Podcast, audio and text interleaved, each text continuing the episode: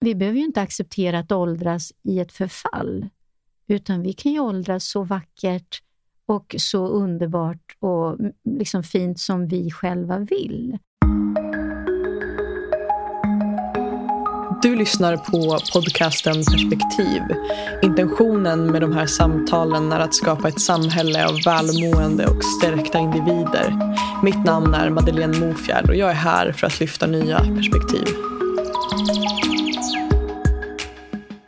I veckans avsnitt så möter jag modellen, entreprenören och inspiratören Shama Persson i ett samtal om skönhetsideal, ålderism, normer och modet att våga leva livet fullt ut. Jag eh, personligen inspireras så himla mycket av Shamas sätt att liksom våga välja livet och att faktiskt se bortom ålder. Hur kommer det sig att vi lever i ett så otroligt åldersfixerat samhälle och hur kan vi vara en del i att faktiskt förändra det? Shama driver idag bland annat modellagenturen Golden Age Models för modeller som är 50 plus med en drivkraft och en mission om att vara med och förändra, att motverka ålderism och att normalisera modeller i äldre åldrar i media och i andra kanaler. Och I det här samtalet idag så kommer du höra oss prata om varför Shama menar på just det, att vi lever i ett åldersfixerat samhälle och hur vi själva faktiskt är förändringen som vi kanske behöver se. Och Vi pratar också om hur skönhetsidealen som vi kan se idag och de normer som finns faktiskt påverkar vårt inre och den relationen som vi har till oss själva. Oavsett om vi är äldre eller yngre eller vart i livet vi befinner oss. Och Vi pratar också om vikten till att se varje individ för vad den individen är bortom ålder. Och jag, jag tänker att jag, jag, tror och hoppas att det här samtalet ska inspirera dig oavsett ålder. Att våga välja dig, att våga välja livet och att våga leva fullt ut. Det är i alla fall den energin jag tar med mig utifrån det här samtalet med Shama. Och som alltid så är jag så nyfiken på att höra vad det här samtalet väcker i dig. Vilka perspektiv och tankar och idéer och funderingar väcks i dig när du lyssnar på det här samtalet. Jag ser fram emot att höra från dig och mitt namn är Madeleine Mofjärd och du hittar mig enklast på Instagram under namnet Mofjärd utan ä. Och skulle du vilja hjälpa mig att, att sprida de här samtalen och hjälpa fler människor till en mer hälsosam relation till sig själva och andra så får du också jättegärna hjälpa mig genom att dela en recension i den appen där du lyssnar. Så eh, tack igen för att du hjälper mig att göra det här arbetet möjligt. Hej och välkommen Shama Persson till podden Perspektiv. Mm, tack, tack så jättemycket. Oh, så fint att ha dig här. Ja, gud, jag känner mig, vi är så glada båda två. Ja, ja verkligen. Exakt. Ja, men det känns, eh, vi har ju hunnit liksom landa in här lite innan vi tryckte på play. Det känns som att mm. vi har landat mm. in fint, känner jag i alla fall. Mm. Um, och jag är väldigt nyfiken på vart vi kommer hamna i det här liksom, poddsamtalet tillsammans. Mm. Um, det är första gången vi möts och det tänker jag också alltid för med sig någonting lite så spännande. Att vi liksom inte riktigt vet vad som ska hända. Mm. Det är jätteroligt. ja, jag tänker att innan vi gör någonting annat skulle jag vilja checka in med dig. Hur, ehm, hur är det att vara Shama idag? Oh, idag att vara mig, det är... Det är en kombination av lugn och väldigt mycket känslor. Um, hur det nu kan vara så. Um, men jag känner mig väldigt lugn och har mycket känslor. Alltså känner mycket, känner mycket både glädje, kärlek, sorg. Och jag känner mig otroligt lugn och harmonisk. Mm. I, uh, trygg liksom. Ja. Vad fint, vad vackert beskrivet. Ja. Det blir som påminnelse om det här ja, att det är okej okay att känna mycket olika saker samtidigt och att till och med få vara lugn i det också. Jo, men och det, det, det, här, det här är faktiskt något nytt för mig. Jag brukar alltid vara väldigt emotionell, men jag brukar dras med i de känslorna. Och det brukar liksom ta mig uppåt eller neråt eller liksom höger-vänster. Men nu känner jag att jag har jättemycket känslor och jag känner lugn och harmoni. Så det betyder, på något sätt för mig är det så här att okej, okay, vad som än pågår i mitt liv just nu så är det precis så som det ska vara. Jag behöver inte ta några steg fast jag känner och det är för mig otroligt nytt. Mm, fint. Ja. Är det något liksom, du har behövt, jag, tänker det, jag kan tänka mig att det har varit en resa i dig. Är det någonting specifikt du kan liksom se som ett skifte som har förändrat det? Nej, jag tror, jag, tror, jag tror just det här, vi hann ju prata lite innan nu när jag kom och just det här att vara en bra människa och att känna vad är att vara en bra människa och kan man vara selektivt bra mot vissa människor och inte andra. Och det är väl det att jag känner att jag börjar mer och mer landa i den jag vill vara i olika relationer och känner att när jag är sann och ärlig och uppriktig i relationer, även om de är så att säga goda eller dåliga, så märker jag att jag blir lugn. Och att de här, när jag dras med i känslorna, så är det ofta för att jag inte är ärlig, för att jag är inte uppriktig, utan jag gör någonting som jag antingen inte vill eller som, som inte är bra för mig eller den personen. Liksom, det är någonting som skaver. Och det är väl det som jag tror gör att känslor orsakar disharmoni liksom, i mig. Så just nu känner jag mig väldigt Nej, som jag sa, jag har mycket känslor men det är inte, det är inte rörigt och det är mm. inte stökigt utan det är bara okej. Okay. Så här är det.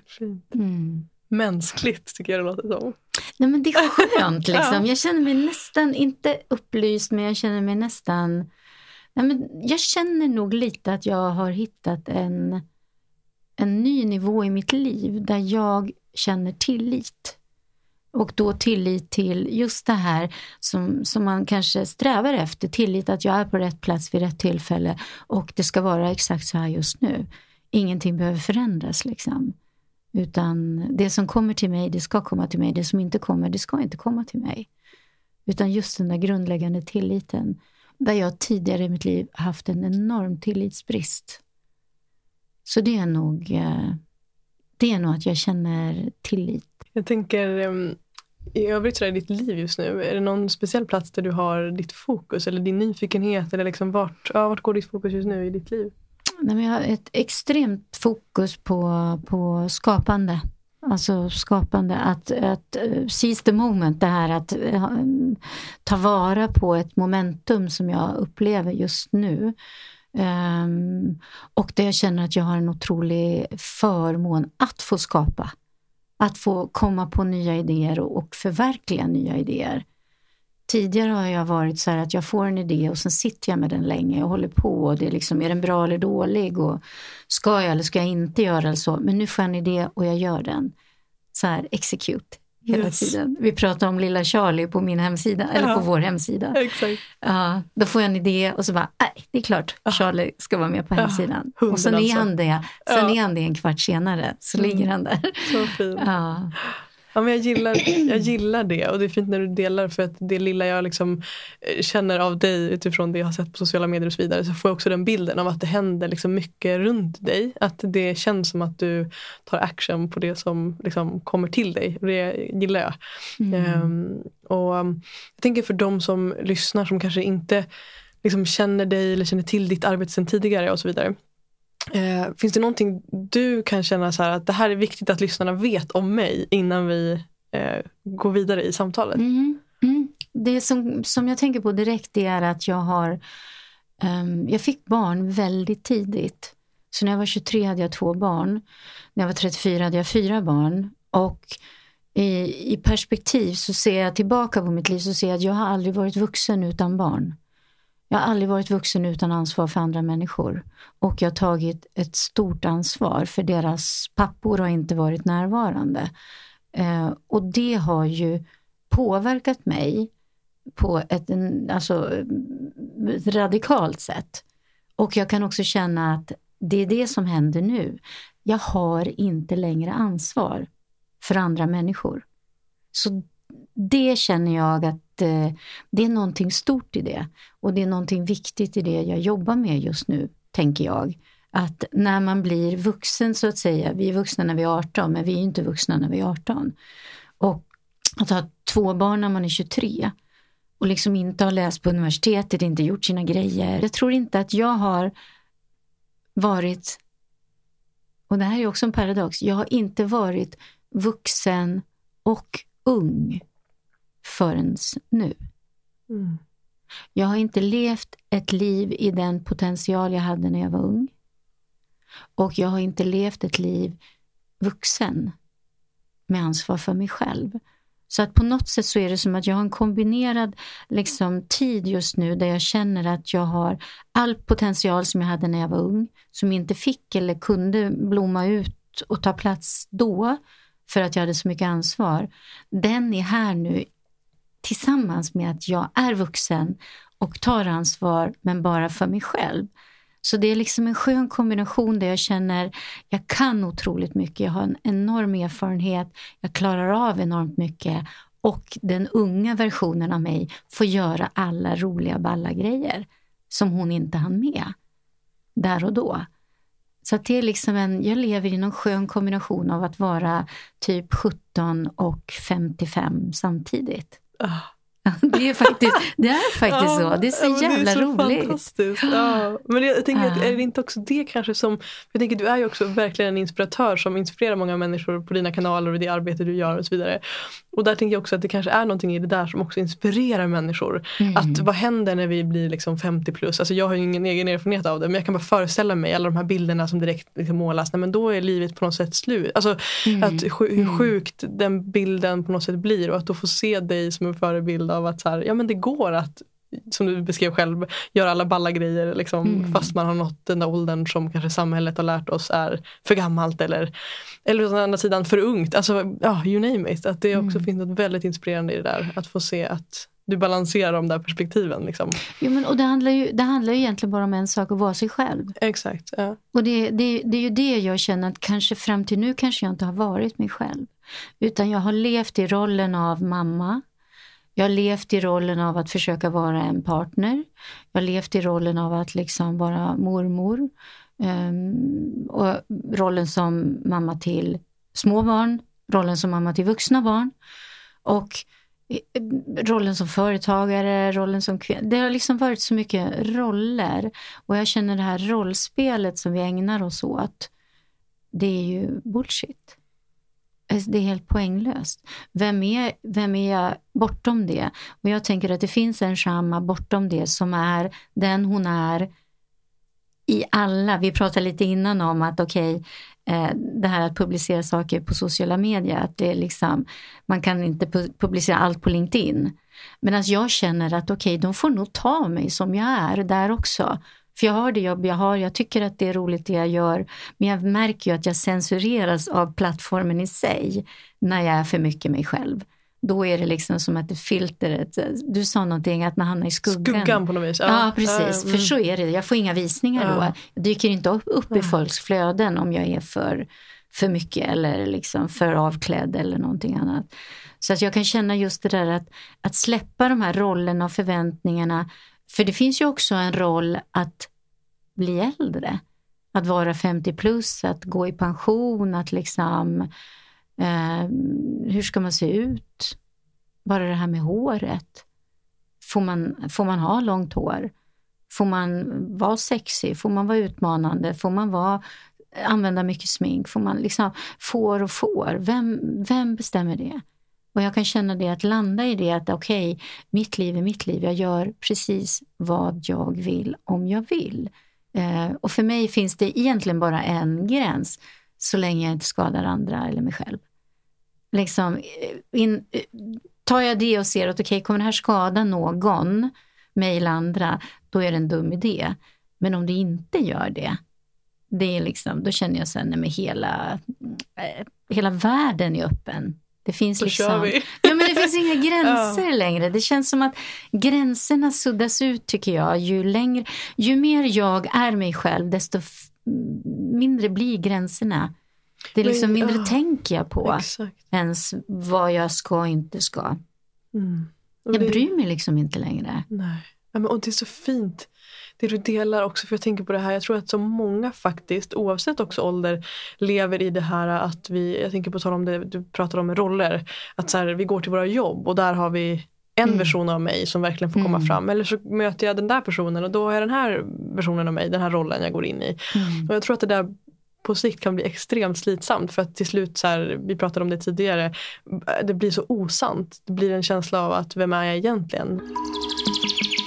Jag tänker, också för att fånga upp lyssnarna. Du driver en modellagentur som heter Golden Age Models. Mm. Som också är jag tänker, en av anledningarna till att vi sitter här idag. Eh, för jag är väldigt nyfiken på det arbetet du gör med den agenturen. Som också är relativt nystartad vad jag förstått. Ja, den är snart nio månader. Ah, som en bebis. Det är en liten bebis. Men din, alltså, ah. den växer snabbt den här ah. bebisen. Ah. Ah. Jag är nyfiken på att höra liksom, din drivkraft. jag tänker för mig i alla fall utifrån sett så ser det ut som och jag tolkar att det finns en en stark drivkraft av att vilja skapa förändring mm. med agenturen. Mm. Så jag är nyfiken på att höra dina ord kring det. Liksom, vad är det du och ni vill skapa med Golden Age? Nej, men det, det är ju... Jag, jag, jag tror så anledningen till att det kom, jag tror att den här aktivistgenen, om man kan ha en sån gen så tror jag att jag har den i mig. Den här starka känslan för orättvisor och liksom sådär någonstans eh, Sen kom jag från en plats där jag var väldigt mobbad och utsatt när jag var liten. Och när jag började jobba i den här branschen, i modellbranschen själv, det är inte många år, det är kanske fem år nu i år, um, så var det så att jag blev så här um, på slutet så jag insåg att det fanns så starka mm, tendenser. Det, det fanns liksom just det här med eh, rätt och fel och vad som är att, att vara äldre i den här branschen, det var inte okej. Okay. Det fanns ett fåtal. Det fanns liksom två eller tre namn som var någonting. De andra var liksom, eh, då fick man jobba med reklam eller, och jag märkte att när jag var på jobb så var det bara jag och unga människor. Och i januari förra året så var jag på ett jobb och helt plötsligt så fick jag den här känslan som jag hade när jag var liten och mobbad. Du vet, man har kroppsminnen. Man, man vet. Och där och då så vet jag att okej, okay, det här har gått från att jag känner mig privilegierad, att jag får vara den enda som är med, till att jag känner mig utsatt. Och det, det var så tydligt. Och det, det, det sjuka är att det var på en plats där jag verkligen älskar människorna, jag älskar varumärket jag jobbar med. Eh, jag trivs att vara där. Jag trivs i sammanhanget och jag hade en känsla av att jag var diskriminerad. Den var så himla stark och jag vet när jag kom därifrån så, så var jag så här, det är någonting som inte stämmer. Det är någonting som är så radikalt fel. Och eh, när jag började liksom känna efter och mm, nej, inte forska egentligen direkt utan jag var på ett nytt jobb, kände samma känsla. Och sen började jag prata med människor i branschen. Liksom. Eh, hur är det? Vad tycker ni? Och, och alla som jobbar och får mycket jobb har en känsla av att vi är privilegierade. Eh, men jag hade inte kvar den. den var liksom, det var som att när den andra känslan kom in då var den privilegierade känslan av att jag är cool, jag är ball, fast jag är så här gammal så får jag vara med ungefär. Då, den, jag kunde inte återskapa den. Mm. Utan den, den var med mig. Jag började, du vet, jag började jämföra mig med de yngre. Och det är ganska svårt att jämföra sig, vara 55 och jämföra sig med 20, 17-åringar, 25-åringar. Det är ganska svårt att relatera till att de fortfarande bor hemma eller att de ska utbilda sig eller att de har varit i Paris och plåtat där och där och gjort det och det. Och helt plötsligt att vara 55 och känna sig liten och sämre och inte lika mycket värd i relation till en 20-åring, det är inte skönt. Så det var liksom startskottet till det hela. Och det tror jag är, det är ju så att problem är ju på något sätt uppfinningarnas moder. Liksom. Man har en utmaning och så känner man, antingen känner man som jag tror väldigt många gör vad det gäller just ålderism, det är att man accepterar den. Och jag tror att det är det som dämpar oss. Jag tror att det är det som lägger locket på. Som gör att vi resignerar och går in i tant Rollen, liksom, eller farbrorrollen, ger upp. Det finns en, en form av... Eh, eller så kan man ju se, okej, okay, det här är en utmaning. Det här måste jag göra någonting åt. Och för mig så har det alltid, jag har ett förflutet som uppfinnare, det har alltid varit så här, här har vi ett problem, det här måste jag lösa. Jag har alltid sagt att jag skulle vilja ha en sån här problemlösningsbutik. Eh, att man kommer med sina problem till mig. Spelar ingen roll om det är relationer eller om det är prylar eller du vet praktiska saker. Jag bara okej, okay, vi har ett problem här, vad kul. Jag fixar Ja men det här löser vi. Ja. Du vet, det skulle vara så roligt. Och nu inser jag att okej, okay, det här är ett problem. Och så börjar jag titta och så bara tittar jag bakåt på, okej, okay, de här jobben du har gjort sista åren, hur har det sett ut? Nej, men det har varit jag. Och så var det fem unga. Eller jag och tre unga. Eller jag och sex eller sju unga. Jaha, okej. Okay. Eller så har det varit jag och en man som har varit 15 eller 20 år äldre än mig. Jag bara, jaha, är det stört eller? Vad är alla unga snygga killar som jag vill hänga med? Liksom, absolut inte. Det är liksom de äldre mannen får hänga med de unga attraktiva kvinnorna. Men de attraktiva äldre kvinnorna, de får inte hänga, de får inte synas med några unga attraktiva män. Absolut inte. Då är det inte. gubbarna som blir över. Nej, men då, då tänker jag på dig och din relation. Ah, exakt. Du vet, mm. den är ju stereotyp ah, på hur man får relatera. För du har ju en man som är äldre än exakt. dig. Men jag får ju inte ha en man som är 25. Nej men exakt. Nej, men, och det där har ju varit jättespännande. Nu ska vi inte hijacka hela samtalet med att prata om min relation. Men just det här att någonstans när vi möttes, jag och Peter, ah. eh, så var ju det liksom, för oss var ju det ett jättemönsterbryt i, i oss, alltså inom oss och inom Peter att så här, våga välja det här. Eh, och sen ganska snabbt så insåg vi också så här, okej okay, det är ett mönsterbryt inom oss men samhällsmässigt så är det ju inte alls Nej. det. Då är det ju stereotypt. Ja, och då blir ja. det också någonstans i det här att, så här, och nu kan jag inte prata för Peters perspektiv i det här, men någonstans också den här inre processen av att okej, okay, nu går jag också in i att vara stereotypen och kan jag stå ah, i det och äga mm, det mm. fast jag också kanske blir en del av problematiken. Liksom. Och, ja, alltså det är så mm. mycket liksom, ja, men det, lager och det är till intressant. det. Ja. Nej, men vad trevligt att ni har vänt och mm. vridit på den. Liksom. Ah. För, för jag, jag, jag är, nu, nu är jag ju väldigt mycket så här, vem säger att det får vara? Men det här är ju också så att äldre män, unga kvinnor, det ser vi, det har vi sett i jätte, jättemånga år. Och det är vanligare än man tror. Sen om åldersskillnaden är fem eller tio år så att det inte kanske är så markant liksom. Men den finns där. Och det är ju mycket vanligare att åldersskillnaden är, speciellt om man tittar på lite kändare personer liksom. Att du ser att det är en, en, en man med, med pondus. Om man tänker liksom lite gråa tinningar och så. Och så är det en ung kvinna eh, som är litet så här kuttersmycke. Förr i tiden var det kanske ett kuttersmycke. En fjäder i hatten. Jo men, jo, men du vet. ja. och, och då kunde vi då, lite mognare kvinnor, raljera och säga att det var patetiskt. Och att det liksom... Men jag kan känna så här, vem säger att det är patetiskt eller inte? Vem säger rätt och fel eller inte? Jag vill inte lägga någon vikt på det. Men däremot så vill jag verkligen lyfta att motsatsen är ju exakt lika okej. Okay. Exakt. Men varför är det inte accepterat? Mm. Varför är det mycket mer tabu? Att, varför är det på något sätt fulare? Eh, du vet, jag tänker på, eh, jag såg någonting på tv, det har ju varit väldigt, väldigt länge Nej, men det här, nu, nu kan vi bli upprörda faktiskt. Nu kör vi. Ja, nej men alltså verkligen, jag tänker så här, det är helt okej för äldre män, Anna Nicole Smith, du vet, liksom, de får fan mig gå i graven och gifta sig med en ung vacker kvinna. Och sen ska man hänga ut alla kvinnor som åker till Gambia. Precis, ja. Vad är det? Exakt. Enjoy, för ja. helvete, om Exakt. det är så. Liksom. Om det är så att du liksom söker kärlek, vi längtar allihopa efter kärlek och närhet och, och omtanke och så vidare.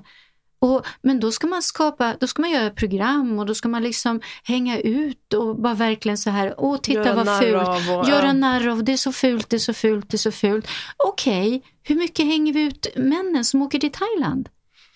Det är liksom, jag kan känna det, att det, det är så mycket i det här att åldras där, där det finns olika liksom för olika. Och jag är ju kvinna så att jag, jag brinner mycket för kvinnor och kvinnors liksom, ja, position och, och möjligheter och liksom rättigheter att få vara på samma villkor som männen.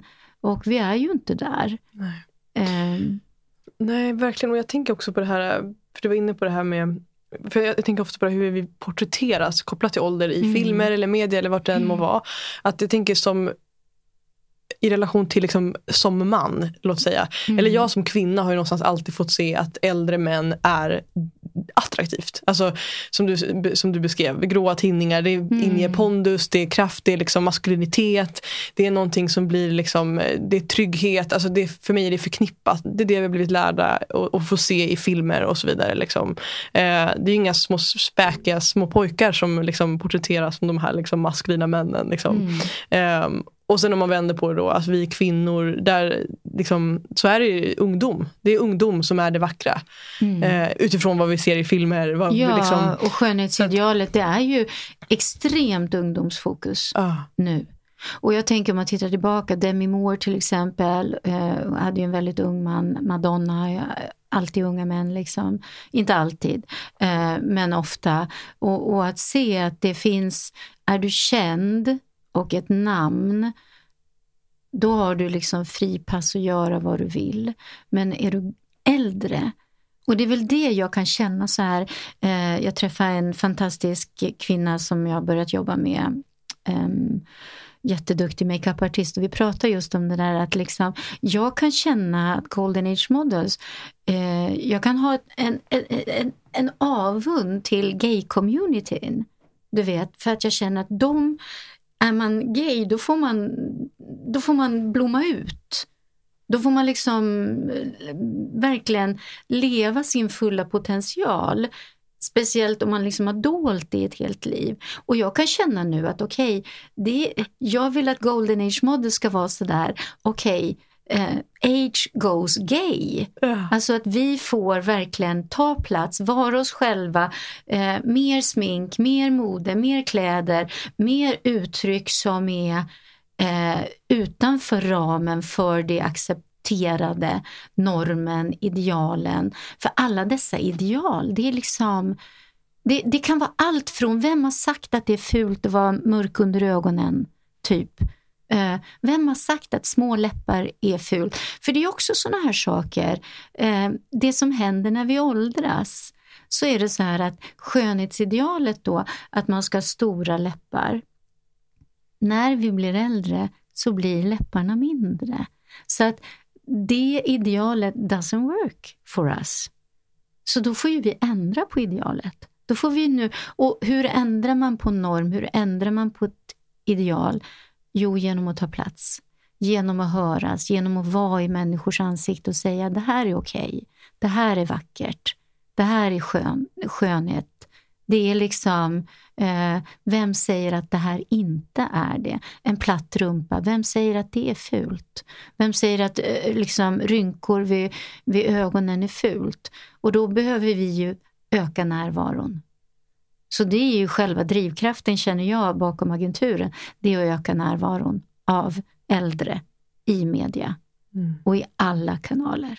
Och att synas mycket, höras mycket och vara men, och det här är också, det finns så mycket som vi kan prata om här, men jag får mycket kommentarer. Ja men Shama, modellerna på din sida, de är ju så vackra.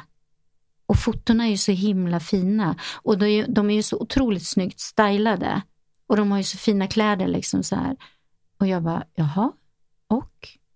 Vad, vad, vad, vad, hur tänkte du? Ja men de, de liknar ju, jag ser ju inte ut så där.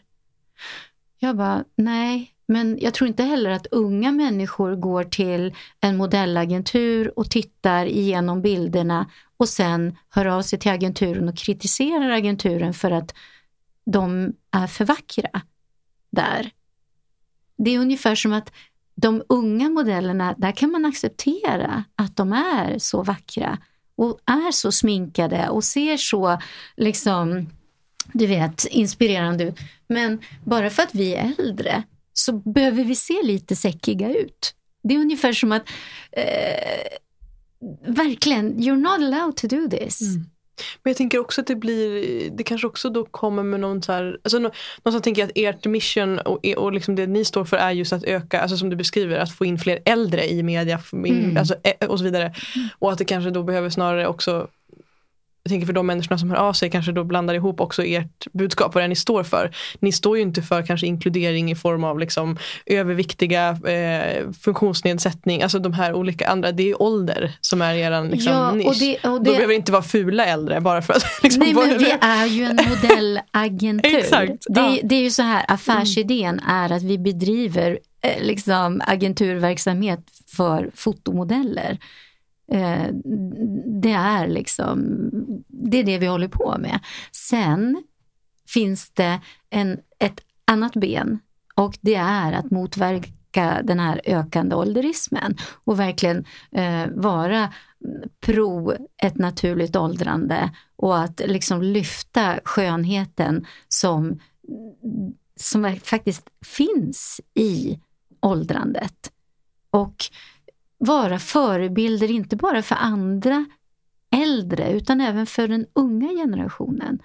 För det är ju också så, ser man bara människor som är runt 20, 25 eh, och alla ser ut som kopior på någon annan med likadana liksom, ögon, likadana läppar, eh, likadana rumpor. Allting är liksom håret på samma sätt, då har man ju ingenting att inspireras av. Och man blir ju rädd att åldras. Ser man aldrig en gammal människa så blir man ju rädd att åldras. Absolut, ja. Så att jag, jag, tror att just det här ökar närvaron generellt och då är det ju så. Det är ju inte så att vi konkurrerar med alla andra äldre människor utan vi konkurrerar ju med 20-åriga fotomodeller. Så det är klart att vi behöver liksom vässa eh, tänderna på något sätt. Vi behöver ju liksom burra upp fjädrarna och visa, här är vi. Jag tänker, du nämnde det här också med rädslan för att åldras. Mm. Och det blir också nyfiken på att höra också liksom din relation till ditt eget åldrande. Hur har det varit? Har det liksom kommit med rädslor för dig personligen eller vad har varit din liksom relation till att själv åldras? Men jag kan säga, jag hade en ålderskris och det var när jag fyllde 30. Då kände jag, men det var ju då, då hade jag två barn som var liksom nio och sju och jag hade precis förlorat min man i en olycka. Jag var, liksom, jag var på en plats i livet där jag kände att det blir aldrig bra igen. Så, och nu är jag dessutom 30 och fick mina första grå hår. så då hade jag en sån här riktig ålderskris att jag var ledsen. Men eh, sen är jag också jätteglad att för typ 2019 vad är det nu, fyra år sedan, um, då gjorde jag eh, en del så här kosmetiska, inte ingrepp utan fillers och botox. Um, och prövade det. Och där, vad det gjorde med mig, det gjorde ju att när det här började släppa, när det liksom, um, då blev det ju som en sån här, nej men gud, oj, nej men nu måste jag fixa om. Och hur ofta kan man göra om det här? Och liksom, vad kan jag göra nu, vad kan jag göra nu? Och är det rätt och fel? Och nej men alla gör det här, okej, okay. så då var jag verkligen. Och jag blev också så här typ anlitad av kliniker, hej vill du vara influencer för oss? Och liksom så. Så att jag var i det där i ett, ett och ett halvt år kanske liksom så. Um, och kände att jag blev mer och mer självkritisk. Jag blev mer och mer så här, Um, och så är det så roligt, jag assisterar ganska mycket uppe på, på Bara Vara eh, i personlig utveckling. Och jag älskar de människorna, jag älskar den platsen. Och det är så far away från liksom det här på något sätt, det är så långt borta från den jag är egentligen. Men nu hamnade jag i det för att jag hade också vänner som jobbade i den här branschen. Och det var väldigt lättillgängligt för mig som influencer att få hjälp verkligen, utan att det kostade mig någonting. Mm. Och sen är frågan, blev jag vackrare eller inte? I don't know. Så. Men just den här stressen, så kom jag upp och bara vara och då hade jag precis varit och fyllt på botox i pannan och eh, de hade satt lite ovanför min läpp eh, så här för att minska de här rynkorna liksom som är ovanför läppen. Och du vet, jag kommer upp och bara vara och det är, jag kan, jag kan inte röra min panna. Och jag kan inte dricka vatten. Det, det är liksom, det är... Det är så humor att du kom just dit. Liksom. Ja, men det är verkligen, det är verkligen katastrof, verkligen så. Och det här är så super, super ironiskt också, för det här är då eh, Nej, men det, är så helt, det är så helt sjukt ironiskt verkligen. Eh, och jag bara, alltså ser ni vad jag har gjort? De bara, vad har du gjort? Och jag bara, men ser ni inte vad jag har gjort? Nej, vad har du gjort? Jag bara, men ser ni inte att jag, att jag kan inte röra pannan? De bara, eh, nej, de såg ju inte det. Men jag kände ju det. Jag satt ju där på Bara Vara med 30 deltagare och skulle vara någon form av liksom så här, du vet, hel människa. Alltså. Och jag kände mig hela den här veckan, jag kände mig så fake. Alltså, vi skrattar så mycket, du vet nere i assistentköket, så här, vi skrattar så mycket. För jag var så här, nej men du vet jag hade ju ingen mimik. När jag blev emotionell, när jag skulle liksom visa deltagande, jag kunde inte rynka min panna. Och jag hade, alltså, jag hade så jävla ångest. Och, det, det var ju verkligen så här, varenda dag så jag, snälla, om jag någonsin säger att jag ska göra om det här, påminn mig om den här veckan, please. Påminn mig om hur det var. Så när det där släppte, det tog ju kanske två, tre månader innan det började släppa. Och jag bara kände, tack gode Gud, tack gode Gud. Gud, jag, liksom, jag, kan, jag kan, så nu är jag ju så här, ju mer min panna börjar rynkas, ju mer den är, för nu är ju saker och ting som det ska vara. Liksom. Så när jag ser min panna, min rynkiga panna och när jag bara så här, Mm, du vet läpparna, jag bara, mm, ja gud det ryker överallt. Jag bara, ja oh, gud så skönt. Gud, så skönt. Uh, För det var hemskt. Mm. Det var verkligen, jag kände okej, okay, det här kan gå riktigt, riktigt snett. Mm. Jag kan hamna i en situation där jag faktiskt inte kan gå tillbaka. Jag kommer aldrig göra det här igen. Så var jag. Det här, it's never gonna happen again. Och det här är väl, vad är det, det är väl ett och ett halvt, två år sedan. Jag vet inte faktiskt riktigt. Mm. Men jag bara känner, gud, så, så skönt. Och jag är tacksam att jag gjorde det. För det betyder att jag har den erfarenheten. Jag har erfarenheten av hur självkritisk jag blir. Eh, för när det börjar släppa, när det inte längre är lika perfekt, då helt plötsligt, nej men gud, nu är jag inte så snygg längre. Medan nu idag så är jag ju lika snygg idag som jag var igår. Det är inte sådär bam så har jag åldrats. Men när du gör den här typen av liksom, saker, slutar upp så händer ju någonting ganska snabbt med ditt utseende. Vilket jag tycker, och det är också hemskt oroväckande att inte se sig själv åldras. Mm. Det är ju liksom så här, och jag vet, skulle jag ångra mig när jag är 60 eller 65, okej, okay, då kan jag göra om det. Men som jag känner just nu så känner jag att nej, det är inte alls vad jag vill göra. Ja, vad mm. var frågan? Hur, precis, frågan var egentligen hur, hur, hur, jo, hur jag rädslor. ser på åldrande. Ja, ja. och då måste jag säga, ah. just nu kommer jag tillbaka till det, att eftersom jag har den här erfarenheten av att ta botox liksom så och känna att okej, okay, nu har jag inte rynkor i pannan, nu ser jag inte så gammal ut längre och så, eh, så inser jag att jag var, hade mycket större åldersnoja då än nu, för nu har jag ingen åldersnoja. Nu är jag ju mer, gud jag driver en agentur. Så fort jag får in en ansökan och personen är över 70, jag bara yes. Mm. Ju äldre desto bättre. Ju okay. äldre desto coolare, desto ballare, desto de gör det här, de söker sig till oss och är 72, 73 år gamla. Då känner jag okej, okay, that's my girl, that's my guy. Det här är precis vad jag, jag vill gå i graven med den här agenturen. Och jag vill inte sluta jobba, jag vill liksom stå där framför kameran och vara 95 och verkligen känna så här, det finns inget bäst före-datum för skönhet. Frågan är ju bara varför vi ser skönhet som förbehållet de unga. Mm. Så det är ju det som är någonstans min, mitt mål, att förändra synen på att, att uppskatta livserfarenheten, att uppskatta att se det i en människas ansikte. Att verkligen se den här människan har upplevt väldigt, väldigt mycket. Här finns det saker som jag är nyfiken på. Mm. För det är ju så, man blir ju nyfiken. Um, och att prata med gamla människor, höra om deras liv det är ju Alltså det är ju ett äventyr. Ja, men det där är spännande. Om man, precis, man bortser från liksom utseende och, och, den biten. Bara om man tänker på det du är inne på nu, det här med historier och berättelser. Och det kan jag känna liksom en sorg över att vi liksom tappar så mycket visdom för att ah. vi totalt exkluderar de äldre från liksom vår närhet, vårt samhälle. Alltså, mm. Alltså, att det, det, är som att ja, men när du har nått 70 liksom, då har du ingen plats här längre på något vis. Mm. Alltså vi tappar nyfikenheten totalt. Mm. Och det Ja, det är sådana grejer som jag kan tycka är sorgligt. Um, och det får också upp ett minne. Jag hade um, i början av pandemin Eh, så fick jag helt plötsligt massa tid över. Mm. Och eh, då fick jag en idé just kopplat till det. Alltså min längtan efter att få höra mer berättelser från äldre människor.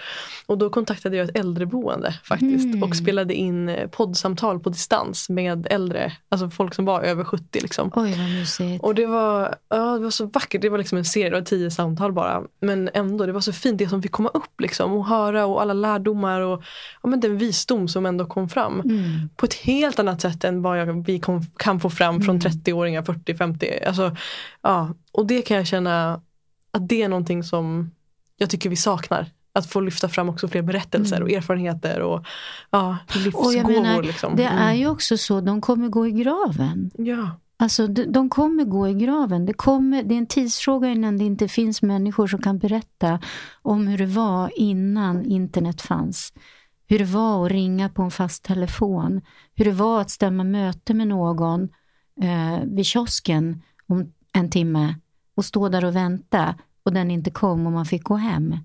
Det är, liksom, det är en tidsfråga innan, innan allt det här liksom analoga och relaterandet vi hade.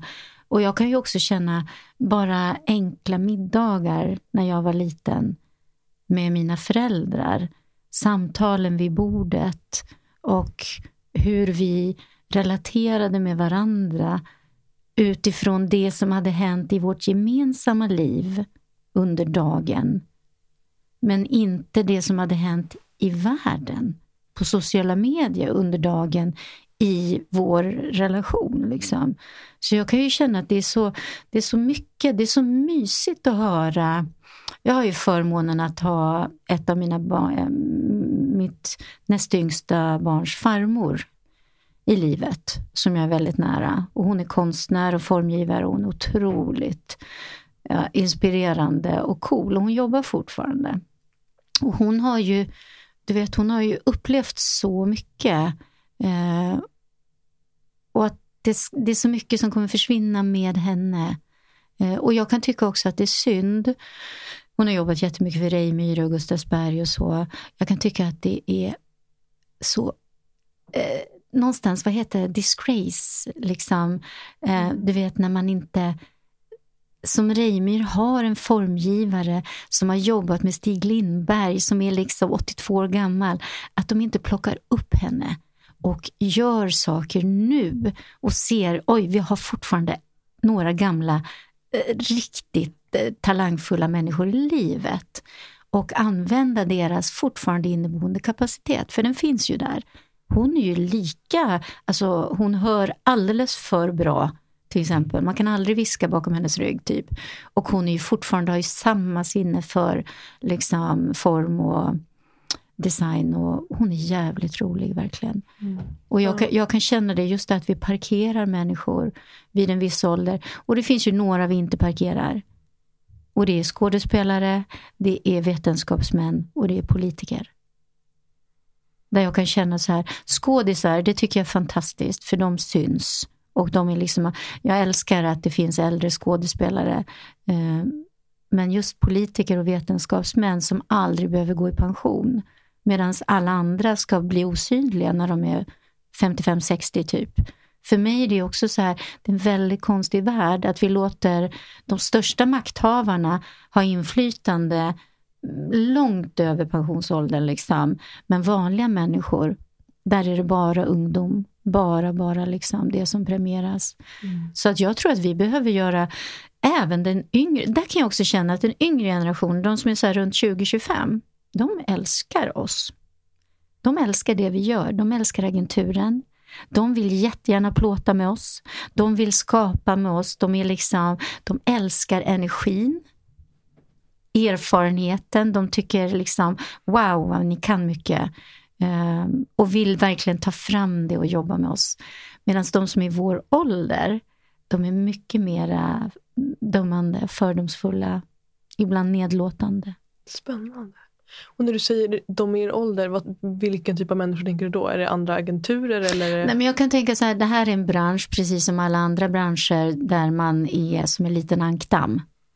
Att man, alla känner alla, man har jobbat i branschen 30-40 år. Om du tittar på alla chefredaktörer på alla modemagasin, kvinnmagasin och så vidare. De är, de är inte unga. Utan de är minst 50 plus, kanske 60 plus, kanske 70 plus. Och man släpper inte in. Man har inte en generös välkomnande attityd till nya initiativ. Så upplever jag och jag får höra ganska mycket bakvägen, liksom ganska hårda ord eh, om liksom, brist på erfarenhet och nej typ eh, ganska hårda ord mot mig som mm. person. Eftersom jag är lite, vad ska jag säga, jag står ju längst fram på något sätt i det här. Så att eh, det kommer en del saker. Så det är ju både från branschen, vad ska jag säga, andra agenturer, men det är även mediebranschen. Så. Eh, som liksom, får man ta, varför ska de ta plats liksom? Och eh, det kan finnas, tänker jag också, för åldrande är trendigt. Det trendar. Men jag kan också tycka att det är idiotiskt att lyfta utländska initiativ, att lyfta utländska influencers, att lyfta utländska liksom, eh, ja, modeller och inte arbeta utifrån närhetsprincipen och se att det finns faktiskt ett svenskt initiativ som blomstrar och som får mycket uppmärksamhet och som gör skillnad. För det är det jag känner eh, människor går ju, nu har jag varit ganska negativ och, och varit liksom så här att eh, att folk tycker mycket som inte är så positivt men vi har ju enormt många som följer oss och inspireras. Och som bara går till hemsidan och liksom du vet scrollar igenom för inspiration och tycker det är fantastiskt det vi gör. Så det finns ju både ris och ros. Mm. Fantastiskt. Mm. Jag tänker på det här vi var inne på tidigare när du pratade om det här med rynkor och din liksom botoxresa, de här mm. insikterna. Och då slog det mig också att jag tror att det är vanligt där, alltså när det kommer till liksom kvinnor och åldrande, att en rädsla kanske är just det här med rynkor i ansiktet och liksom att det är den typen av tankar som kanske ofta kan komma för kvinnor gissar jag. jag, jag så. Men, och då blir jag nyfiken om vad du tänker kring liksom, män. Vad, vad ser du som är liksom som ändå jobbar i den här branschen, vad är liksom saker som män har blivit lärda är är liksom fult eller fel kring åldrande? Finns det något sånt? Jag tänker så här, Nej, men det, det, den största uh. skulle jag säga med män, det är ju tappa håret. Just det, uh. Och det går så långt ner i åldrarna. Och jag vet inte faktiskt, jag vet inte om det har skett, det, det vet säkert andra, om det har skett en förändring.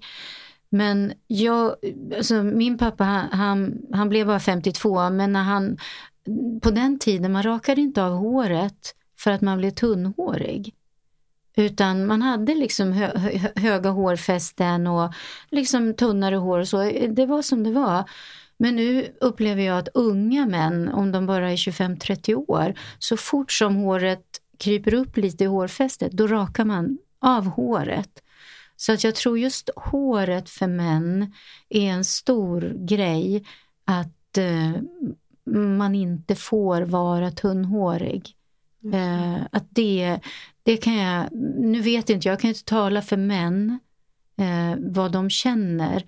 Det är bara en observation jag har att så fort som man blir lite tunnhårig då rakar man av sig allt hår. Eh, som att det är någonting man skäms för. Och sen är väl det också en trend, eh, en norm. För så var det ju inte mm, när jag var ung. Det var ingen som rakade av sig håret liksom på 80, 70, 80 utan det var som det var då. Liksom. Mm. Um, så att jag tror att just det här med, med, med håret för män. Sen tänker jag också att det finns ju vi, vi, vi pratar mycket om olika, det finns, ju, det finns ju saker hos män som jag tänker, potens till exempel. Det är ju en stor sak. Och det här är ju någonting också som händer när man blir äldre. Och där tycker jag att vi kvinnor, tack vare att vi har våra kvinnomagasin och vi har väldigt mycket forum och, och jag håller inte med om att klimakteriet till exempel inte får ta plats. För jag tycker att det får ta otroligt mycket plats nu. Eh, menstruation också. Jag tycker att vi kvinnor är väldigt bra på att lyfta ämnen som vi tycker är angelägna och prata om dem. Plus att vi är väldigt bra på att prata med varandra om de här. Vi kvinnor har alltid varit väldigt bra på att dela med varandra. Och jag tror att just eh, problem med potensen och erektion, liksom, det har jag lärt mig sista månaderna faktiskt, att det är ett stort problem och att det drabbar 20 procent av alla män och att det här är någonting som vi inte pratar om överhuvudtaget. Och jag som kvinna har alltid trott det beror på mig. Mm. När jag har varit i en situation och det har blivit så, Liksom, eller att det inte har, mannen inte har fått erektion eller att den helt plötsligt har försvunnit. Då har jag alltid känt, det är mitt fel. Jag är inte tillräckligt attraktiv, jag är inte tillräckligt sexig, jag är inte tillräckligt si och så. Utan det, det är så lätt att som kvinna då ta på sig skulden. Så att det här är ju ett ämne som jag tror är jätterelevant att börja prata om. Eh, just den, för det är ju ett mansproblem. Men det är inte bara ett problem för männen utan det är ett relationsproblem. Och det är viktigt för oss också att förstå vad beror det på. Och det finns massa olika, det finns typ fyra olika sorter och, och att förstå det tänker jag också då, det är ju någonting som man som man då skäms för, tycker är jättejobbigt. Jag tror man kan förlora, tappa sin manlighet väldigt mycket. Jag tror man kan bli deprimerad. Att det, alla de här sakerna som följer liksom på en sån utmaning. Man kanske undviker att ha sex, men undviker att relatera. Eh, och vi pratar inte om det. Så att den tror jag är en åldersrelaterad grej. Och som jag också förstår att en av de här sorterna har att göra med eh, kärl och hjärta. Att det krävs liksom att hjärtat och kärlen, det måste verkligen funka, det måste vara flöde för att det ska fungera. Och har man då hjärt och kärlsjukdomar, vilket också är en åldersrelaterad grej, så är det ju svårare. Och att då att det är viktigt att ta hand om sig själv och se vad kan man göra för att liksom, ja men lev. För det är ju också så att vi kan ju allihopa, vi behöver ju inte acceptera att åldras i ett förfall, utan vi kan ju åldras så vackert och så underbart och liksom fint som vi själva vill. Jag vill åldras med uh, with a bang. Du vet, jag känner, jag vill bara bli någonstans, jag tror att livet kan vara en stadig uh, elevation and then you die. Jag tror inte det behöver vara en sakta liksom, nedåtgående kurva utan jag tror att man, man kan göra mer Kroppen åldras, man får krämpor, fine, så är det. Men rent med utseende, med smink, med hår, med kläder, eh, med resor, äventyr, mat, njutning, whatever. Liksom. Det finns så mycket, så man behöver inte det. Och det tror jag också, det gäller ju också väldigt mycket att ta hand om sig själv. Det är inte så att det är snutet ur näven att vara snart 56 och se, liksom, vara vältränad, eh, vara i princip smärtfri och ha en fin hy och ett vackert hår ungefär. Det kräver ju någonting. Alltså, det kommer inte gratis. nej, men även, även om man kan säga det är klart man har genetiska förutsättningar och så vidare. Och jag upplever att jag har en stor grej i mitt liv, det är att jag har väldigt mycket artros. Det ger mig mycket verk och jag måste jobba med det. Men sen har jag ju andra saker som är väldigt mycket till min fördel. Eh, mitt hår till exempel. Det var ingen som visste att det skulle bli bra. Men det blev bra när det var grått och sitt eget. Liksom. Så att jag tror också det att förstå att vill man åldras och ha kul och leva ett liv med full potential så behöver man ta hand om sig själv. Man kan inte äta pizza, dricka vin eh, liksom varenda dag. Det är klart man kan, but then you're gonna lose out on something. Alltså, du vinner någonting och det är kanske den här omedelbara njutningen av det. Men du kanske är lite tyngre i kroppen när du vaknar imorgon. Och kanske inte orkar gå den där promenaden med hunden. Liksom som man behöver. För det är ju också så. Eh, vill vi leva, vi lever längre. Ska vi leva längre så vill man gärna må bra så länge som man kan. Och det betyder inte automatiskt att man måste se bra ut, att det måste vara fokus på det yttre. Däremot så är det ju väldigt viktigt, för mig är det väldigt viktigt att vara så smärtfri som möjligt, så rörlig som möjligt.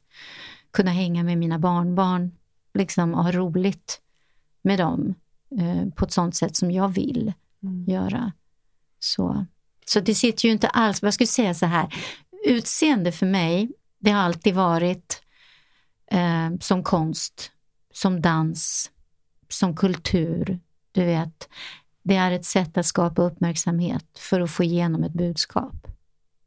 Varför inte utnyttja det? Det är en ganska enkel strategi faktiskt. Mm. Ja, men det är fint beskrivet också, att det är som konst. Och det finns ju något väldigt kreativt i det också. Att använda ah. liksom, kroppen och ja, ja. utseendet som någonting att liksom och jag leka tänker med. Där, det är också det, ni unga, mm. ni är så otroligt liksom med makeup till exempel. Ni, ni hoppar på, ni hakar på allt. Mm. Ögonbrynen, contouring, eh, liksom till och med tejp vid ögonen. Bara, vad, vad ska ni ha det till? Liksom. Jo, för ögonen ska vara sneda nu. Jag bara, okej, okay, I got it. Men vi i vår ålder, vi är så försiktiga. Vi prövar inte ens hemma. Och därför är det så befriande för mig att hänga med de här makeupartisterna. För de är ju så här, men gud, smink, you go. Alltså, you go. Du kan ju bara tvätta bort det sen. Men vi som är lite äldre, vi är så här, nej men jag har bara mascara, jag ska vara så naturligt fin. Liksom. Varför då? Varför ska vi vara så naturligt vackra? We aren't ibland. Mm. Det, är liksom, det finns mängder av sätt med smink att liksom göra sig själv vackrare. Varför inte använda det? Mm. Istället för att injicera en massa saker. Igår, jag måste berätta, det här är så roligt. Jag har, jag har två sådana här läpphistorier. Som du ser, jag har inte jättestora läppar. Och jag skulle gifta mig en gång och så skulle jag köpa mitt första läppstift. Jag var typ 34, 33, jag vet inte. Och så kom jag till butiken så säger en ung expedit så säger han, ja du, med så små konturlösa läppar som du har så spelar det inte så stor roll vilken färg man väljer. Men fy fan vad hemskt. Den bara, måste ju ha satt sig. Det är klart det satte sig och det här blev ett skämt i vår familj. Så det har alltid varit, vi har alltid skämtat om det. Förstår du? I typ 15-20 år har vi skämtat om det här. Ah. Och nu är det så här, nej, nej men nu, nu räcker det. Så har jag då träffat en makeupartist som heter Magdalena som är så jävla skön, hon är så jävla bra. Och hon sminkade mig till en grej och hon satte ju eh, läpppenna ganska mycket utanför. Så det såg ut som jag hade riktiga läppar liksom så här. Eh, så träffade jag henne igår och vi fikade. Och så sa jag, Magdalena ser du att jag har köpt en ny läppenna? Ja, den, vad, vad, tycker du om färgen? Nej men den är jättefin Shama, den är jättefin. Men du vet, du kan sätta den lite utanför också. Och jag bara, jag har gjort det. Hon bara, alltså förstår du? Vi ah. skrattade så mycket. Ah. Så jag hade så små läppar har jag. Så jag hade till och med satt den utanför. Men hon såg inte det överhuvudtaget. Du vet, men hon är verkligen så här, bara sminkar dig hur mycket som helst. Mm. Gör vad du vill. Mm. Pröva. Ta bort det. Gör om, gör nytt nästa dag. Du behöver inte se likadan ut varje dag. Det, är liksom, det finns så mycket olika roliga grejer. Mm. Och det är relativt billigt. Mm. Om man tänker på vad det kostar att injicera saker och Verkligen. operera sig. Mm. Ja, fint. Jag tänker om du tittar framåt. Um, finns det någonting så här som du tänker att du skulle vilja, om du fick liksom drömma fritt och att du fick skapa en förändring i samhället när det kommer till de här frågorna. Vad skulle det då vara? Någonting som du tänker så här, det här skulle vi behöva förändra för att människor ska må bättre, känna sig mer trygga i sig själva, ja, you name it, whatever. Någonting som du skulle vilja liksom mm. skifta. Nej, men jag, skulle ju, jag skulle ju verkligen vilja att ålder inte var en faktor att räkna med. Att det verkligen är en, en icke-faktor. Eh, vi är ju besatta av ålder. Vi kan inte nämna, vi kan inte skriva någons namn i en tidning utan att tala om hur gammal den personen är. Och det har satt sig så pass i oss att om vi jag själv, om jag ser en person, igår jag tittade på en ny film med Reese Witherspoon, så går jag in och googlar, hur gammal är hon? Varför gör jag det? Och det är ju inte för att jag är, jag tror inte jag skiljer mig mycket från andra, liksom, utan vi är besatta av ålder. Och jag önskar ett samhälle där vi väljer utifrån helt andra faktorer. Faktorer som är relevanta för situationen. Om ålder är relevant för situationen, det vill säga du ska sälja en rollator till någon. I den situationen är ålder och äldre ålder relevant. Ska du sälja blöjor till en barnfamilj, då är ålder relevant. Men pratar vi om andra situationer, eh, köpa bilar, köpa cyklar, eh, liksom hårvård, skönhet, smycken, kläder, i princip allt som egentligen saknar åldersrelevans. Där målgruppen faktiskt är, vad ska jag säga, för jag upplever ju att vi använder ålder på ett sätt där det faktiskt har, är irrelevant. Där vi tweakar liksom och istället skapar ett dåligt självförtroende hos den verkliga målgruppen genom att visa en hudkräm på en 20-åring. Eh, så att jag önskar ju en värld där ålder inte är en relevant faktor på det sätt, inte har den tyngd det har idag, utan att eh, människor väljs eller väljs inte på grund av att de är rätt för uppdraget eller inte rätt för uppdraget. För att de har den talang som krävs, den kunskap som krävs, den liksom energi som krävs eller eh, någonstans att, att vi har, mm, och jag tänker speciellt i arbetslivet, jag tycker det är så, det är så fräckt att ålder är det som sållar liksom ut oss. Det är nästan den första sållningen liksom som sker. Det är ålder och då kan det även vara, nej men det här är en, det finns en risk att den här personen kommer bli gravid. Eh, så det är också en åldersrelaterad faktor då. Utan där jag tycker att liksom, vi som människor behöver få vara människor. Eh, vi behöver kunna vara oss själva från det vi föds tills det vi dör utan att det definieras liksom av ålder huruvida vi är okej okay eller inte okej. Okay. Om vi är rätt eller fel. Hur kan en ålder vara rätt eller fel? För mig är det liksom så här, det finns så mycket idiotiska saker som vi människor har hittat på. Och jag är ju så, jag tror ju på Gud. Jag tror att det spelar ingen roll hur gammal en människa, man är liksom Guds barn, vi är människor på den här planeten. Eh, det har ingenting, vi är på väg in eller ut någonstans. Eh, det kan ju vara en ung själ i en 80-årig person. Liksom. Det kan vara en gammal själ i en treårig pojke. Vi, för mig är det så här ett mysterium, men att det mänskliga dömandet och sållandet och selekterandet, liksom, eh, jag tycker att det är idiotiskt, verkligen. Att vi någonstans, jag skulle, jag skulle vilja gå så långt som att vi har eh, nej men alltså åldersdiskriminering behöver ju upp på exakt samma eh, agenda som andra mm, diskrimineringsgrunder vad det gäller eh, ursprung, vad det gäller liksom funktion, vad det gäller eh, storlek, kön. Det, det, är ju så. Um, och det måste börja med oss. Jag behöver ju titta, jag är ju jag är ålderism, alltså ålderist. Jag dömer människor utifrån ålder. Jag tittar på dig och Peter och tänker, direkt tänker jag ju någonting. Så, mm. okej. Okay. Eh, tänker jag någonting för att jag känner er eller för att jag träffat er eller för att jag tycker ni inte passar ihop eller någonting. Nej, det är situationen i sig. Äldre man, yngre kvinna. Jag tänker och tycker saker. Mm. Och jag har ingenting mer att göra. För det första, it's none of my business. Jag är helt fel på det, att tycka någonting i den situationen. Och det är liksom, varför bryr jag mig? Bryr jag mig för att jag egentligen tycker något eller bryr jag mig för att samhället har talat om att jag ska tycka någonting? Så att jag tycker ju att vi behöver allihopa tänka, tänka efter själva i vilka situationer, i vilka relationer, när har jag de här tendenserna? För jag tror vi är väldigt snabba på att fånga oss när vi är rasister. Väldigt snabba tror jag. I andra situationer. Jag tror inte alls vi är lika snabba att fånga oss när vi dömer människor utifrån ålder och ratar folk för att vi tycker de är för gamla. Eller för unga. Mm. Mm. Mm, verkligen. Ja, men det är fint att det börjar med oss någonstans och att fånga oss själva när vi får de där tankarna. Ja, men för liksom. det är vi som är samhället. Mm. Ja. Det är vi som är mänskligheten. Så vi kan inte heller säga att nej, men det är ideal, det är normer, det är samhället. Det är vi som är samhället.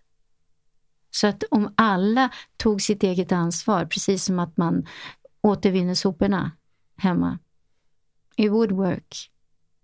Ja, Det är lätt att sitta och prata om samhället där ute. Liksom, Jo, som men att det, är, så, det är så ja. lätt att förvänta sig att andra ska göra jobbet. Men jag tänker på just den här, det, finns, alltså det är ju så, be the change you want to see. If you don't want to see change, be an asshole. Det är liksom, så är det ju. Verkligen. Och det Mm. betyder ju också att vi behöver öppna upp, vi behöver släppa in, vi behöver utbyta. Eh, jag älskar att jobba med unga människor. Eh, unga människor tycker om att jobba med mig. Eh, jag älskar att jobba med människor i min ålder och äldre människor också. Eh, Så att jag, det är det som är så skönt med agenturen också. Vi har ju våra bebisar, 50-åringarna och sen har vi ju våra typ riktiga människor, säger jag. Nej, men du vet, de som är 70 plus. Mm. De som har alltså been around Mm. a while. Så att jag känner ju att det och vi hänger ju tillsammans. Vi träffas ju, har after work, liksom, dricker vin ihop och, och det är jätte, jättemysigt. Mm. Och det är ju ingen hos oss som, vi är ju alla liksom, it's very flat. Mm. Så. Fint. Ja, Ja. fantastiskt. Jag märker att tiden springer iväg här Ja, idag. det har gått väldigt, väldigt snabbt. Så jag Ja. tänker att det är dags att börja avrunda lite. Och jag tänker för att göra det så skulle jag vilja höra med dig hur lyssnare kan komma i kontakt med dig eller med Golden. Eller ja, vart kan de dyka in i, i dig och ditt arbete mera? Mm. Nej, men jag, är, jag är ju på sociala medier. Eh, jag är på alla typ plattformar, på gott och ont. Så det beror lite på vad man är ute efter. Vill man connecta med mig på lite mer affärsmässigt plan så är det ju på LinkedIn. Ehm, där är jag väldigt aktiv. Ehm, jag har precis startat upp TikTok. Det växer väldigt mycket. Jag är jätte Eh, jag är väldigt så här strategisk. Vi ska bli stora, vi ska växa, vilket betyder att jag måste växa.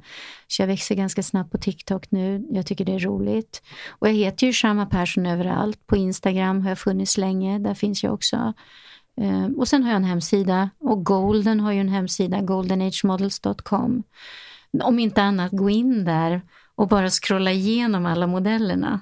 Och om ni gör det, om ni går in och tittar på modellerna, alla all models, så kommer ni få en liten surprise mitt i. En surprise! Ja just det, det vet jag. Precis. There's a little surprise there. Ja, det blir fantastiskt. Ja, Som börjar på, vad var det, CH? Slutar på. Arlie, Charlie. han är 70 år gammal. ja. Han är typ vårt nytillskott. Mm. Mm. Lilla. Och Shama, om du skulle få möjlighet att nå hela världen i 30 sekunder, vad skulle du då vilja säga eller kanske göra med dem? Oj. Gud.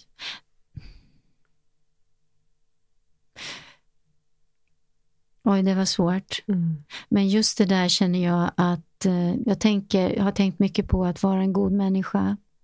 Vad är det att vara en god människa? Och kan man vara selektivt god? Eh, kan man liksom, som jag gör, posta olika saker på olika plattformar beroende på vad människor förväntar sig av mig på de plattformarna? Eller liksom kan jag vara mig själv överallt? Och jag tänker just det där att att vara en god människa och att vara ärlig och leva i enlighet med verkligheten så som den är. Och det betyder för mig det här att sluta ljuga, att sluta låtsas, att sluta liksom, att någonstans ransaka sig själv. När är jag ärlig, uppriktig och sann om mig själv? Eh, för jag tror, kan vi vara den vi är i alla relationer utan att förställa oss liksom, och att vara goda. Och så tillvida, då menar jag att vara vänliga, snälla, omtänksamma. Liksom. Eh, Så tror jag att alla ismer skulle försvinna. Mm. Om vi, verkligen, om vi verkligen, det är ju så, du vet ju det, det kommer ju ner till oss själva. Om jag tycker om mig, det är enkelt för mig att tycka om mig själv när jag är en god människa för mig själv och andra. Liksom, då är det enkelt att tycka om mig själv. Så att älskar alla sig själva skulle vi inte ha den värld och verklighet vi lever i. Så att det är ju det att någonstans jobba på sin egen inre godhet. Mm. Både för sig själv och för andra. Är jag den jag vill vara för mig själv och för världen? Mm. Och känner man, nej, jag är inte det. Då är det ju fantastiskt, för det är ju en utmaning. Det är ett problem som man kan lösa, mm. som man kan jobba på. En sak jag vill säga, ja. jag läste som var så fint, att eh, Richard Back har skrivit en bok som heter Illusionen. Och i den så står det, i varje problem finns det en gåva. Du söker problem för att du behöver dess gåvor. Mm. Jag tycker det är så, så fint. fint. Jättevackert. Jag tycker det är så fint. För jag ah. tror att vi alla vet att det finns en gåva i varje mm. utmaning. Mm. Men just det där att vi söker mm. problemet för att vi behöver mm. gåvan. Exakt. Det gav mig så här, ah. en sån stor känsla av eh, tillit och mm. ansvar. Exakt, både tillit och ansvar. Ja, verkligen. Ja. Att jag, I am in mm. charge. Mm. Liksom verkligen mm. känna att okej, okay, jag äger det här problemet. Det är i min hand och gåvan är redan här. Och så är man nyfiken. Varför är jag i den här situationen nu? Mm. Var är gåvan liksom? Mm. Ja, fantastiskt. Ja, det är fantastiskt. Jättevackert. Mm. Ja, tusen tack verkligen för den här timmen. Oh, Kanske till och med mer än en timme. Tack så fint du. att du ville möta mig. Så tack. Jättemysigt. Tack snälla. Tack till dig som har varit med oss i det här samtalet. Jag ser fram emot att få möta dig som lyssnar och ta del av hur det här samtalet landar i dig. Vilka tankar, insikter och kanske till och med triggers växer dig. Det skulle betyda allt om du delade med dig till mig på sociala medier. Skriv till mig eller posta på din story och tagga mig så låter vi det här samtalet leva vidare. Du hittar mig på Instagram under namnet Mofjärd utan ä och på Facebook vill jag också välkomna dig till den slutna gruppen Mofjärd Community där vi möts för att prata vidare och lära oss av varandra och, och varandras perspektiv. Du hittar länken i beskrivningen till det här samtalet. Tack igen för att du är här.